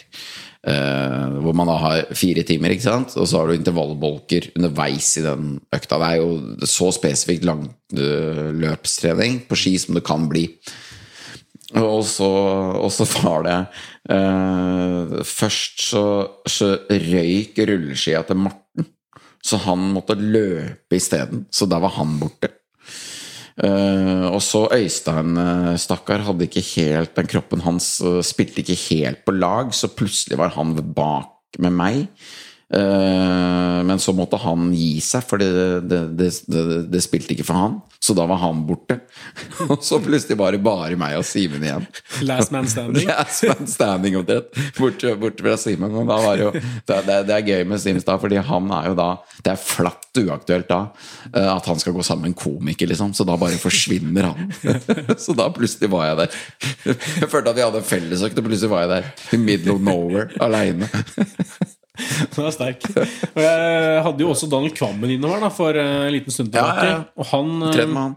Ja, han trente med deg. Han Ja. nevnte det. At dere hadde en tusenmetersøkt 1000-metersøkt eh, på Voldsløkka sammen. Ja. Og det gikk såpass fort der, det ble såpass hett at du til slutt, til slutt kasta skjorta. Det havna vel også i hans eh, feed, regner jeg med? Et bilde av det. Ja, man skulle absolutt ta bilde av det. Ja. Eh, Jeg ga etter for det, da. Det var jo ganske imponerende kilometersplitter her, men kanskje en enda mer imponerende torso. Da. Torso i særklasse på deg. Da, eh, kan du si litt om en sånn type standardøkt? Hvordan den gjennomføres per dags dato? Ti ganger 1000 hver ett minutt pause, eller? Ja, 10 ganger 1000 ett minutt pause er jo det, det er jo en klassiker. Klassiker som er eh, Det er kjempe altså Det er så god trening, både for, uh, både for løping, men også for kapasitet. Ikke sant? Så det, det er veldig bra. Og det, de, de øktene har, har jeg løpt eh, mye altfor hardt. Uh, I hvert fall siste, siste draga. Det er jo sånn det, Altså, skiløpere i, i nøtteskall, ikke sant, er jo Sesongen er over, de tar pause i mai. Da skal de løpe 1000 meter. Og da skal de løpe de eh, sånn at de kan eh, briske seg litt over de tidene. Ikke sant? Så da skal de løpe gode tider på, på 1000 meter, så da kliner de til altfor fort. Um, og så kommer juni. Eh, men da er plutselig sesongen litt i gang. Da skal de trene masse mengde, så da slutter de med det. Så de løper egentlig bare 1000 meter i mai. Eh, dritfort. Det er, det er sånn klasse skiløpere. Eh, mens nå har jeg begynt å løpe det litt mer jevnlig og prøver å løpe det mer eh, kontrollert, da. Eh, og så løper jeg jo til stadighet med folk som er bedre med, så da er det fort gjort å bli med på de. Men, men jeg prøver liksom å, å starte, på, starte på nå på 3.30, kanskje. Rundt det. Og så, så løper jeg progressivt ned til 3.20. Ja, og så hender det at jeg blir litt ivrig på siste draget, og så blir den på 3 3.16, tror jeg den var med Kvammen her, da. Riktig. Ja, ja. Da, da var im- han var mektig imponert, må jeg si. Uh, han, eh, Ja, han, han, var ikke helt, han var ikke helt oppe han er, han er jo bedre enn han var på den økta, han altså. Så han hadde ikke helt uh, maksdag heller. Men, men jeg, ja, det fløyt jo ok for meg. Og, Og så skal det sies at dagen derpå Jeg var inne og så på Straffinder, skjønner du. Da, du var ikke mer prega enn at du dagen derpå dro til Jotunheimen, sykla 205 km og 3300 høydemeter her. Og dagen etter det igjen 109 nye med 2100 høydemeter. Tolv timer, da, altså, fordelt på de to dagene som sikkert Kvammen eh, hadde mer nok med en konsert eller eh, slappe av. Så det er godt, det er godt stilt nå. det er gøy at du, at du trekker fram det. Det der fikk jeg i bursdagsgave. eh, til 40-årsdagen min i fjor. Sykle Jotunheimen rundt. Så- gave. Ja, gave, det. Så vi gjorde det på to dager, og jeg sykler ikke så mye. Eh, men følte at jeg fikk noen turer i forkant der, da. Eh, men en utrolig opplevelse. eh, og noen lår som var kjørt etterpå, ja. Du skal kjenne ditt publikum når du gir sånne gaver. altså. Det tror Ja. ikke jeg hadde turt å gi til så mange andre. nei, nei, nei. Vi var jo en gjeng der som, eh, som liker, å, liker å dra ut på litt sånne eventyr som, og, og kjenne litt på det. da. Så, og så er det spreke folk. Det var eh, mye tidligere landslagsløpere og ting som har, folk som har trent mye. Ja. Eh, er det noen andre da, som du selv vil anbefale å følge på Strava? Um, nei, det er jo øh, mange interessante å følge der. Eh, det kommer jo litt an på hva du, hva du driver med, men Simen vil jo anbefale å følge. Eh, der er det mye som går fort. Eh, der er det mye Han tenker på hva Strava-tida blir. Det er mye halvfort eller fort. Det er mye halvfort eller fort. Eh, nei, det er gøy. Eh, Jan Post er jo sikkert mange som følger han, men han er jo veldig Ja, beskriver jo ting veldig bra eh, hvis man driver med løping og sånn. Eh, og så følger jeg Kvammen. Uh, følger jo de jeg kjenner, liksom. Nicolay Ramm og eh, ja, mange andre som eh, man kjenner. Eh, og, og masse skiløpere. Apropos Jan Post, da. Jeg har alltid liksom tenkt på det der, hvordan det er å være mosjonist og skulle klare seg eller komme inn på 'Mesternes mester'. Det er jo selvfølgelig umulig før du har blitt en uh, mester. Ja. Men um, så finnes det også noen konsepter der på en måte kjendiser får muligheten til å konkurrere i typ idrettslige sammenhenger. Da. Ja. Og så har vel kanskje du innsett at du kommer ikke inn på 'Mesternes mester' med en topp 50-plassering på, på Marcialonga. Eh, men kunne tenkt deg å stilt til sånn kjendis- eller en mosjonistutgave av 'Mesternes mester'. Ja, det kunne jeg gjerne tenkt meg. Problemet mitt nå er at jeg, nå, jeg, nå, nå tror jeg sånn castingmessig til de prøvene jeg havner mellom to stoler. For jeg er ikke, jeg er ikke nærheten av bra nok til å være med Mesternes mester. Eh, Men så er det noen av de andre programmene som skal ha den der reisen fra folk som er utrente, eh, og som liksom skal kjenne på det. Så jeg, det er altfor god form til det. Du får ikke være med på 16 ukers helvete. 16 ukers helvete og Kompani Lauritzen har også blitt sånn. ikke sant? Alt har blitt sånn. Så uh, Det er derfor jeg får være med på kokkeprogram, ikke sant? Fordi der er jeg ganske dårlig. så det er liksom synes jeg er alt som er så fysisk, der har jeg havna liksom midt imellom. Så Du får, jeg tror du får teame opp med Nicolay Ramm. Jeg lufta den tanken for han, og han tror jeg kikka litt på det. ja, ja, ja. Dere kan vel dra i gang noe sånt? 'Mesternes mester' for, eh, for kjendiser eller Ja, vi kunne, vi kunne øh, absolutt Det hadde jo vært kjempegøy, da. Uh, 'Mesternes mester' er jo et av de øh, som jeg faktisk ser på. Det, fordi det, man har, lurer jo på hvor god man er selv og har lyst til å være med på alle de Det er jo lek. Det er jo kjempegøy. Hvilke øvelser tror du du ville hevda deg godt i? Uh, jeg har gjort i en sånn uh, set priv- eh, sånn eh, event-type setning, eller var åpning av treningssenter. Eh, da har jeg gjort den der henge i stanga. Eh, og det var jeg ganske god på, faktisk, uten at jeg har tenkt at jeg var god på det. Det er jo litt sånn, jo litt sånn med de øvelsene der.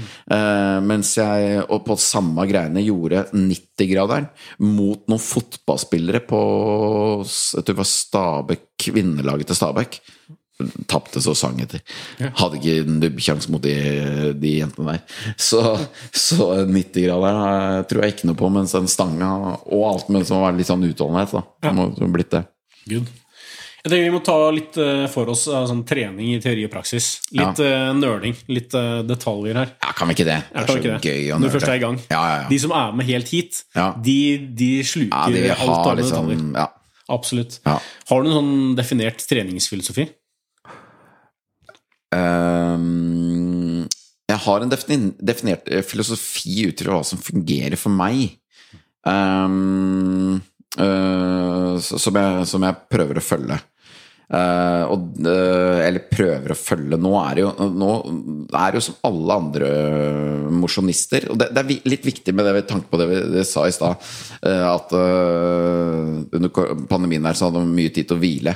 Eh, for det, det, er, det er viktig å huske på det, at de, der, de treningsmengdene der i timer, liksom, det kan man ikke eh, kombinere med jobb.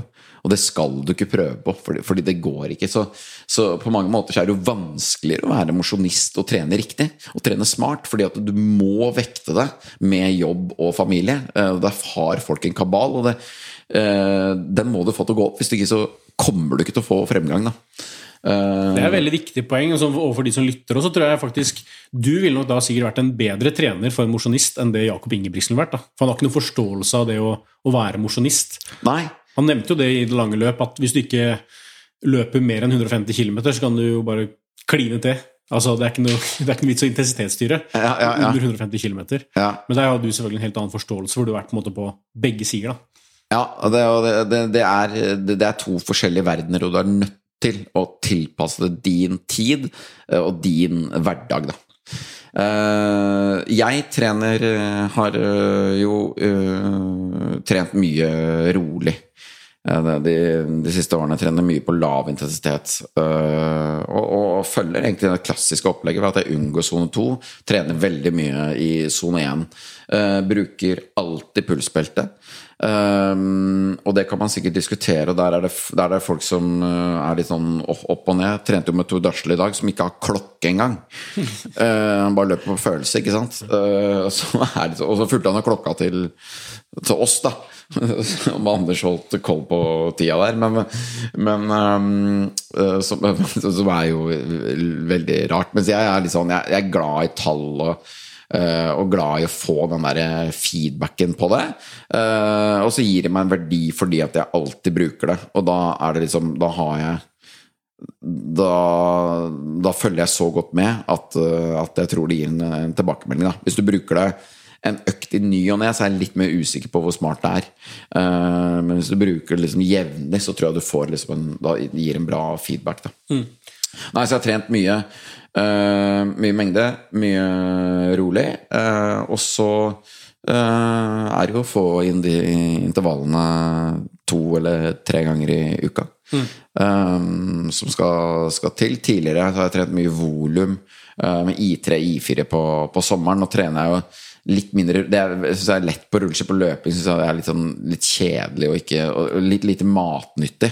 Du skal, når du skal løpe uh, f.eks. 10 km halvmaraton, da. Så da, da er det mer sånn 10 ganger 1000 og, og holde litt høyere intensitet uten Men ikke liksom ta seg ut. Det det er blitt flinkere de siste åra. Ta meg ut på, på mye færre økter, og hørt også fra folk som liksom jo trener mot halvmaraton og aldri løper fortere enn snittfarta si. Og det funker, liksom.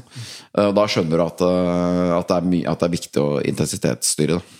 For du sier du trener veldig mye rolig og definerer det ut fra puls. Hva er liksom makspulsen din, og hvor høyt tillater du deg på de rolige øktene? Eh, jeg har eh, I2-grensa mi på 135. Eh, og så ligger jeg liksom Hvis jeg er oppe og spiller og, og det kjennes bra, så ligger jeg godt under det. Liksom. Da, da snitter jeg nok på 120-125, et sted mellom der, kanskje. Noe sånt. Vil du da Ja, altså ja. gå i en bakke hvis pulsen måtte bikker mot 135? Ja, da løper jeg veldig rolig, ja. I, eh, jeg løper jo mye marka, um, som heller ikke er sånn spesifikk mot eh, disse distansene jeg løper, men som er en økt som jeg eh, nekter eh, kommer til å gi meg med, fordi jeg elsker en tretimers i, i marka. Nå har jeg faktisk prioritert litt eh, de løpa, så nå har jeg fått gjort det litt lite og savner det litt. men, men da, ja, da, da styrer jeg det helt ned i, for å ikke få over. Målet er da å ikke ha ikke ha Ito på den turen i det hele tatt, rett og slett. Det, det er absolutt. Hadde du pulsbelte også på noe når du løp 10 km på søndag, eller? Eh, ja. Ja. Hva ligger du på da i snitt, og mot, maks mot slutten? Eh, det kan jeg finne frem, og så kan jeg si at eh, jeg ikke helt, var helt fornøyd da med pulsen, da, for jeg syns den gikk litt lite opp. Som kan være et tegn på litt lite overskudd. Eh, for da går jo pulsen ofte, ofte høyere. Hadde, jeg hadde faktisk åtte minutter i fem. Eh, men eh, hvis du har liksom en kropp som er enda bedre, så kanskje du har litt mer, da. Eh, jeg ser der at jeg hadde 167 i snitt, som for meg er omtrent midt i sone 4. Ja. Ja. Og hvordan legger du da opp eh, kvalitetsøktene dine, intervalløktene, opp mot eh, det? Ligger du vesentlig lavere enn 167 i snitt? Altså som du hadde i snitt her nå, på dine intervalløkter? Ja, det, det gjør jeg nok. Eh, Og jeg trener, eh, jeg trener eh, nesten samtlige økter eh, mm, progressivt. Eh, som, og går ut med, med god kontroll. Både disse motbakkeøktene og f.eks. ti ganger tre på mølle. er en økt som jeg, som jeg har gjort veldig mye, som jeg syns er veldig enkelt å gjennomføre. eh, Og som jeg har blitt, der har jeg blitt mye flinkere det siste året til å gjøre den kontrollert. Og det syns jeg er bra også for meg selv, sånn, fordi det, det, det er ikke så jeg, jeg gruer meg ikke til den. Det er ikke, så, liksom, det er ikke noe sånn så, så ille å gjennomføre, eller det er bare ålreit å gjennomføre den. Jeg gjør f.eks. mye på, mye på Jeg reiser jo en del på hoteller eh, på morgenen før jeg skal videre. Og det er veldig enkelt og greit å bare varme på 20 minutter, og så løpe ti ganger tre, da. Um, og da løper jeg Da er det i tre eh, fra start, og det er ikke alltid det er det heller, for det tar jo litt tid å komme opp i puls. da. Og Det er veldig gjenkjennbart da, for mange av de som lytter. Sånn, det å f.eks. løpe på ulike møller da, og, og løpe en standardøkt. Eh, og du snakker da om at du styrer etter uh, puls. Eh, det er veldig lett å henge seg opp i tallet da, på mølle. Hvordan, eh, hvordan styrer du da en sånn type økt etter puls, også med hensyn til det som du nevner på der da, fra perseløpet, at du kan også bli lurt av puls fordi overskuddet ikke er der det har vært tidligere. Ja. Så du kommer ikke like lett opp i puls. Hvordan eh, tilrettelegger du for det der? Um, nei, jeg, da, eh, jeg bestemmer meg jo da for en utgangsfart. Uh, og, og, og, den bestemmer jeg meg eh, ut ifra hvordan det har vært i det siste. Så på en, ti 10 ganger 3 nå, hvis jeg skal ha hatt det nå, så vil jeg starte på 3.30. Og da vil jeg, da vil jeg sette an hva, hva er pulsen nå på det. Uh, så antageligvis da så, så vil jeg mm, det det kan nesten hende at jeg har løpt de to første hele treminutteren, faktisk, på mølle. Eh, Men, eh, men, men, det, men, ja, men det kommer litt an på dagen, da. Mm. og, og, og hvordan det er. Så ehm, så, så da, da regulerer jeg det da uh, I og med at jeg skal ha ti drag, da, så, så, så drar jeg eller altså, Da blir det mindre progressivt hvis jeg, hvis jeg ser at det er høy puls og føler meg dårligere. Så bare så, blir det bare, Jeg øker ikke så mye fart, da. Eh, mens hvis jeg føler meg bra, så, så, så, så øker jeg kanskje litt mer i fart, da. Og Du er jo en fyr da som prøver å få inn veldig mye forskjellige ting i hverdagen, og du snakker om at det er mye reising i form av jobb og sånn. Eh, ser du på en måte på en eller noen uker framover i tid, og så planlegger du hvordan du skal plotte inn økter og sånn, eller tar du litt ettersom det kommer? Um, jeg er en litt sånn uh, strukturert og planmessig type, så det er noe det jeg faktisk syns er litt gøy. Eh, det er å planlegge når og, og hvordan jeg skal trene. Så det er sånn uh, Det har jeg ikke lyst til å slutte med, for jeg syns det er, er morsomt. å- så jeg ser alltid for meg en uke fram i tid. Eh, hvordan jeg skal trene. Det er stort sett alltid en plan for uka. Den økta der og den økta der og den økta der. Um, og så hender det jeg redigerer på det.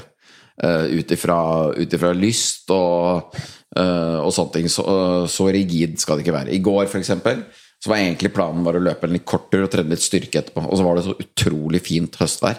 Så da tenkte jeg nei, det, den styrken det blir en annen dag. Og så blir det en litt lengre løpetur. For det var så deilig i marka. Så det ble ikke sånn kjempelangt, men det ble liksom 1,50. Ja. Du har ikke noen lamineringsmaskin hjemme hos deg? Nei, ikke noen lamineringsmaskin. ass. Eh, og det er liksom den friheten med å ikke være så Å satse så knallhardt òg, ikke sant. Å ha den der at, eh, at det er ikke så farlig. Jeg må ikke ha den og den økta og være så bundet opp mot det. da. Det syns jeg er en fantastisk frihet. da. Uh, samtidig som jeg liker å, å planlegge litt. Og, og i den planleggingen da, så er det, det Da vil jo typisk konkurranse avgjøre, sånn som nå. da. Hvis jeg nå ser ut til å bli hytteplan, så vil jo den da vil det styre litt de neste to ukene. da. Eh, og så- og andre ting i kalenderen, selvfølgelig. Så det er lyst til bare å legge den kabalen så godt det går. Og i en sånn, i en periode der med en sånn grunntrening, da, si det er ikke et mål liksom, rundt neste sving, Nei. hvordan planlegger du for en treningsuke? Er det sånn visse ting du ønsker å skulle innom? F.eks. liksom en stor terskeløkt, den styrkeøkta, den rolige langturen, sånne ting, eller? Ja. Eh, og det er det, og da, da, da setter jeg alltid de viktige øktene først. Uh, sånn, hvilke dager skal jeg um, Hvilke dager er, hard, er hardøkt? Disse? Ok, det er hardøkt der og der. Når har jeg tid til å gå en langtur? Det er der og der. Uh, og så fyller jeg på med disse, disse uh, Kall mindre øktene. Disse var bare en løpetur, liksom. Og da For vanlige mosjonister som lytter på her, så er det veldig sånn klassisk for å kjøre tirsdag-torsdag, altså langtur lørdag eller søndag. da. Ja. Også fordi at det naturligvis er det som passer i en hverdagssituasjon. Men ja.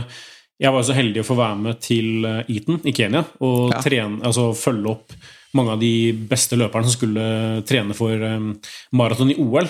Ja. Og da var det noen sånn veldig utradisjonelle valg noen gjorde, blant annet eh, hun Lona Salpeter, som vel endte opp med å bli nummer tre. Hun tok jo medalje nå i VM også, på maraton. Ja. Har løpt eh, 2,17. Hun løp jo langtur, og dagen etter så kjørte hun disse bakkesprintene. Ja. Er det noen sånne type elementer, eller sånne ting i treninga som du også fanga opp da, fra de eh, eliteutøverne du har eh, trent sammen med? Som er veldig utradisjonelle? Um, nei, kanskje ikke som er veldig utradisjonelle. Det er det ikke.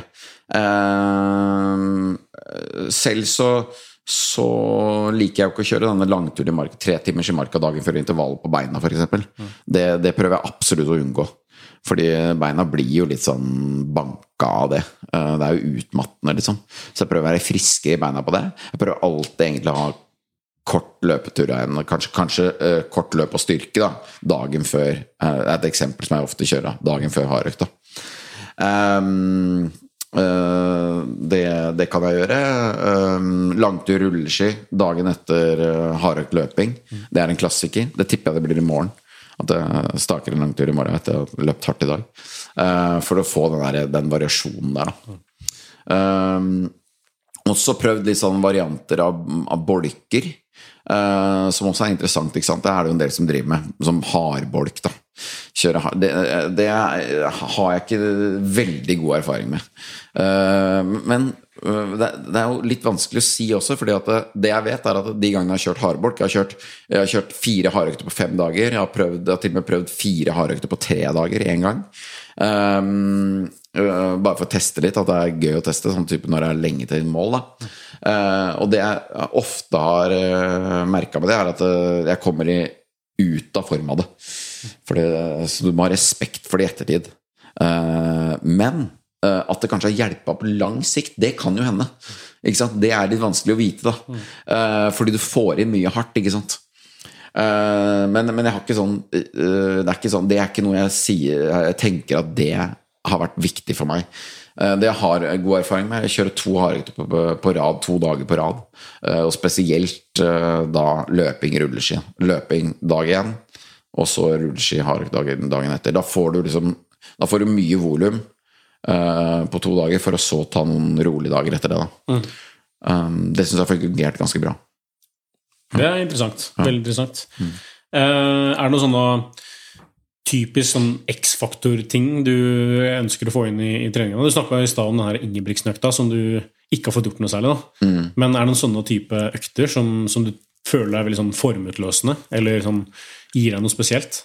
Ja. Eh, eh, hvis jeg skal uh, formutløsne, så er det å gå ned på volum på hardt. Uh, kjøre, kjøre hardere litt, litt hardere drag, men, men korte, da. Eh, jeg har f.eks. gått eh, brukt mye eh, på skisesongen, så er det da eh, Jeg hadde jo den som jeg sa, seks ganger fem minutter til 10 og så har jeg gått ned til fem ganger fire minutter 10% i, i sesong, da. Det, det syns jeg er en bra formutløsende økt. Fem ganger fire minutter i 10 motbakke. Eh, eh, og kneppe opp ganske bra på fart da, på de eh, tre siste dagene, liksom. Klemme til ordentlig, da. Eh, det- Hva, hva blir det nå mot det hytteplan, da? Siden det er ti dager til hytteplan. eh, skal du ha en formutløsende økt, eller anser du nå Du hadde da en 10 km, kall det all out, da, to Mm. uker før. At det på en måte blir den formutløse økta, så blir det mer en sånn terskel herfra inn. Ja, det blir, det blir nok eh, litt mer det. Mm. Um, det gjør det nok. Og så fikk jeg jo en, nå fikk jeg jo en hardøkt ganske tett på, så nå blir det Nå tar jeg noen dager med rolig trening. Uh, jeg tror ikke neste hardøkt blir før på lørdag, kanskje til og med søndag. Jeg skal til Bergen og jobbe litt og sånn. Mm. Um, uh, og så skal jeg faktisk på noe, noe opplegggreier som gjør at det antageligvis blir en uh, rulleskiøkt på rulleskimølle. Oi. Men uh, det er ikke sikkert at det er så dumt heller. Spare beina og Men da blir det, det blir ikke å gå så hardt der, nei. Det gjør ikke det. Så jeg, jeg tror ikke det blir sånn all Det blir ikke noe sånn knallhardt før hytteplanet. Altså. Det tror jeg ikke har noe stor effekt.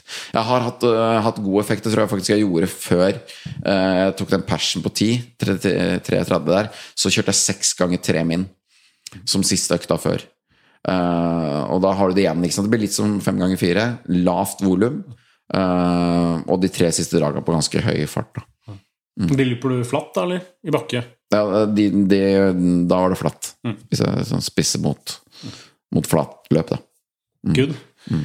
Um, Det blir mye Det, blir mye, det, som, er, det som er gøy med trening, det, blir, det er ekstremt mye sånn synsing. Så det er masse sånne erfaringer osv. Og, så, og så når du går inn i et renn, uansett om du går inn i et renn eller et løp, så er aldri inngangen lik. Og det er jo det som gjør det formtopping og det er så interessant og vanskelig å få til.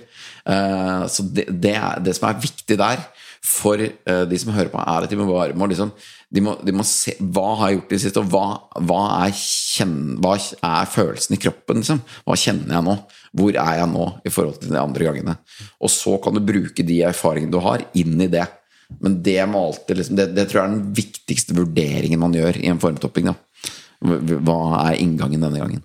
du slår meg som en veldig sånn gjennomtenkt og reflektert type. da Så jeg tenkte jeg skulle stille noen spørsmål her, eh, noen kjappe til slutt. Ja. Som jeg har en følelse at du kanskje har tenkt litt på. Eh, har du noen styrker som eh, idrettsutøver, og kanskje spesifikt også som løper? Eh, jeg tror vel styrken min nå er seighet, på en måte. Eller grunnutholdenhet, da. Eh, det tror jeg nok. Liksom, den grunn, grunnkapasiteten er, eh, er ganske god. Så eh, det gjelder å få det ut i fart. Det er ikke så bra. Og hva med svakhetene? Ja, da er det en av svakhetene.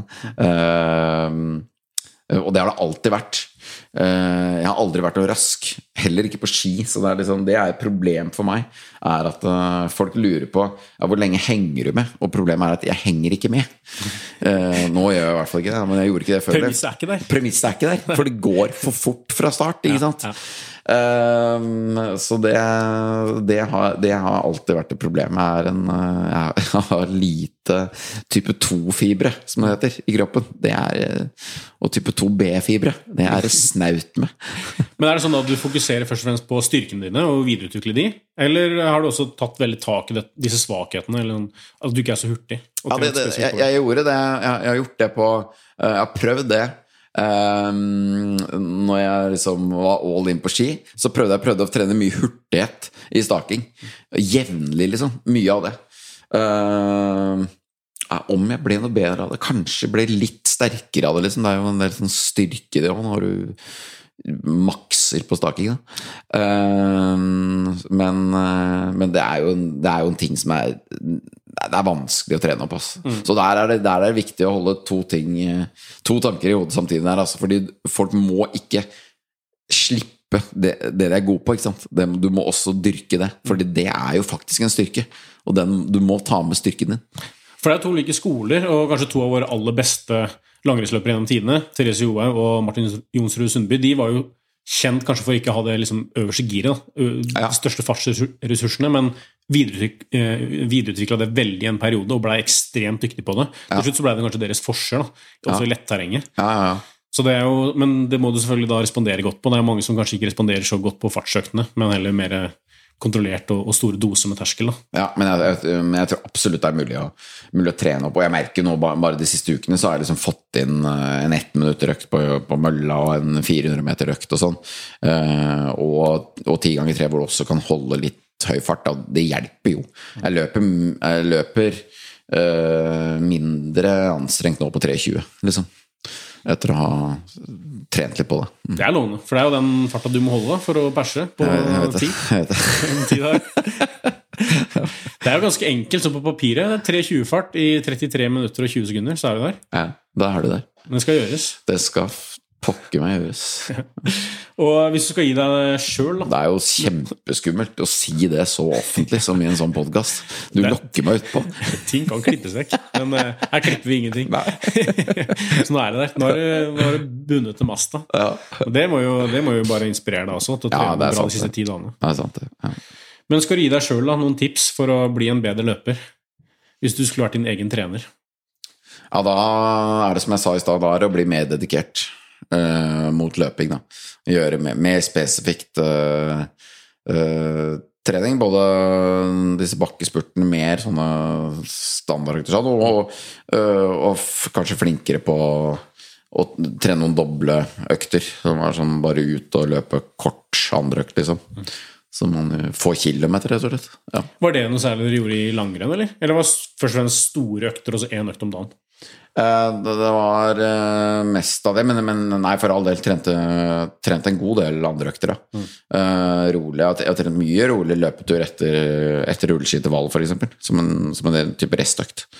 Absolutt. Har du prøvd noe særlig sånn doble kvalitetsøkter? Nei, det har jeg ikke prøvd noe særlig av, rett og slett. Er det noe du kunne tenkt deg å, å begynne med? Ja, det uh, Det hadde vært artig å prøve. Vært artig å prøve. Da må man være veldig nøye på intensiteten. da. Men uh, det er klart at uh, det har hjelp av å ape etter de beste før. Så Absolutt. ja. Vi skulle gitt noen tips til de som eh, lytter. da. Hva er ditt beste tips for å bli en bedre løper? Nei, altså Keep it simple, stupid. Kontinuitet og uh, komme seg ut og få kilometerne. Og ha disse gode intervallene et par ganger i uka. Det er jo liksom Det, det, det, ja, det kommer jo an på nivået ditt. Da. Hvis du ikke trener så mye, så er jo én intervall i uka også veldig bra.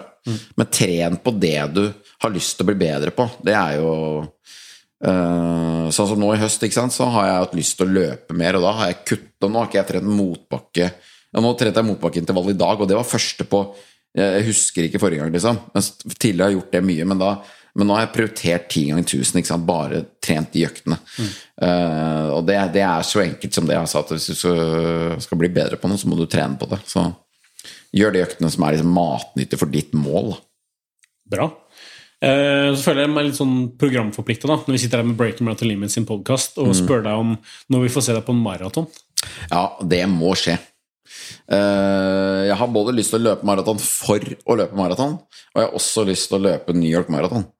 Eh, I selskap med ganske mange andre. Det er mange som drømmer om det. Og det har jeg også lyst til. Det hø- høres helt rått ut, liksom. Så å løpe en av de store maratonene, det, det har jeg skikkelig lyst til. Altså. Ikke så trigga av å løpe maraton på disse løpene som bare blir satt opp. Løp denne rundløypa til du har løpt 42 og komma litt kilometer. Det, det, er, det, er ikke, det blir jeg ikke så trigga av. Det jeg, jeg må ha Berlin eller, eller Chicago eller New York. Ha et, et, jeg skal løpe, da skal jeg løpe et ordentlig maraton. Ja. Og i New York så får du selvfølgelig den store opplevelsen. Du trenger Ja. liksom ikke du trenger ikke den raske løypa for å motivere seg til å dra til, til New York, men Nei. har du sett for deg liksom en, en rask maraton, og hva du eventuelt skulle hatt som målsetning? Ja, det har jeg jo tenkt litt på. eh, og det syns jeg er vanskelig, fordi at eh, de som har løpt det mye, blant annet du, har, du vet ikke om du kan bekrefte det, men de sier at det skjer noe mellom 30 og 35 km som er litt vanskelig å forholde seg til. ja, så jeg er veldig usikker på hva som skjer med beina mine etter 35 km. Men, eh, men eh, det ville jo vært en naturlig målsetting for meg å komme kanskje under 2,40. Mm. Nå spør jeg like mye som jeg Jo, jo. sier Jo. Altså Hvis du er kapabel til å løpe 1,15 etter hvert på halv, Ja, så er jo det en ganske mm, Ja, det vil si et realistisk mål, og også da sikte på under 2,40. Da. ja, ja, da vil du ha ganske god margin, vil jeg si, ja, hvis du trener godt mot maraton. ja. Ikke sant. Og si du da tar enda et steg, da, og si du nå perser på 10, og så går du via hallen, og så finner du en maraton kanskje til neste år, etter god, eh, godt i etterkant da, av Marcialonga. Vi anbefaler en god del langturer på, på hardt underlag før den tid. Ja, Så, så kan det gå fort. ja, ja. Godt ned på to tredjedeler, kanskje. Ikke sant. Men det må, det må gjøres et ærlig stykke arbeid. Ja, det må det. Det må, det. det må trenes uh, spesifikt på det. Eh, for å avslutte her da, med å se litt i spåkula. Vi har jo da vært innom selvfølgelig hytteplan om ti dager. Ambisjonen er å perse. Mm. Bunte Masta der. Vil du begynne til Masta på noen andre ting? Hva er kortsiktige og langsiktige mål? Ehm, etter hytteplan så skal jeg inn i en treningsperiode, det er helt sikkert. Og da jeg skal på turné. eh, før- Så det er det de kaller det. Treningsperiode, det er turné. Det er turné. Eh, så da blir det litt eh, andre prioriteringer og sånn. Så, så da, da kommer nok det neste målet til å bli Marcialonga, det tror jeg ganske sikkert. Um, Eh, og, og så er jo da et spørsmål etter det, da. Når jeg, jeg kommer til å holde løpinga mer ved like enn tidligere i, i, i vinter. Ved å være innom mølla og sånn uh, jevnlig. Uh, og så får vi se når, uh, når sommeren kommer. Jeg har litt andre planer til våren nå, som, som går litt på sånn turing og sånn. Så, så men, eh, men jeg har lyst til å, å få en ordentlig løpesesong eh, neste år, med kanskje fokus på høsten. Jeg tror det. Mm. Spennende. Kanskje en eller annen dag får invitere deg tilbake igjen og snakke litt mer sånn nerding om eh, halvmaraton og maratonspesifikk trening. Ja, for da kanskje jeg er godt inn i den bobla der. Ja. Men enn så lenge så får vi se litt i feeden inn mot hytteplan. Og så Ja. blir det en god vinter med grunntrening og eh, race prep mot eh, Marcialonga. da. ja. Og da er ambisjonen topp 50, eller? Nei, Det blir ikke det den gangen her. Nei, det, det kommer ikke til å skje. Uh, spørsmålet er Jeg kommer neppe topp 100, eller, tror jeg, men det er litt vanskelig å si. Uh, det har ikke blitt staka så mye som før, så det er en X-faktor i skiføret i Oslo. Jeg får krysse fingra for at det kommer tidlig. Vi får krysse fingrene for det. Det var ekstremt fint den vinteren som var. Ja, Får vi noe tilsvarende, så skal det være muligheter. Ja, absolutt. Glimrende. Tusen hjertelig takk for at du tok deg så god tid. Det var veldig interessant å prate trening og livet. Takk for at jeg fikk komme. Du er hjertelig velkommen tilbake igjen nå. Ja, takk.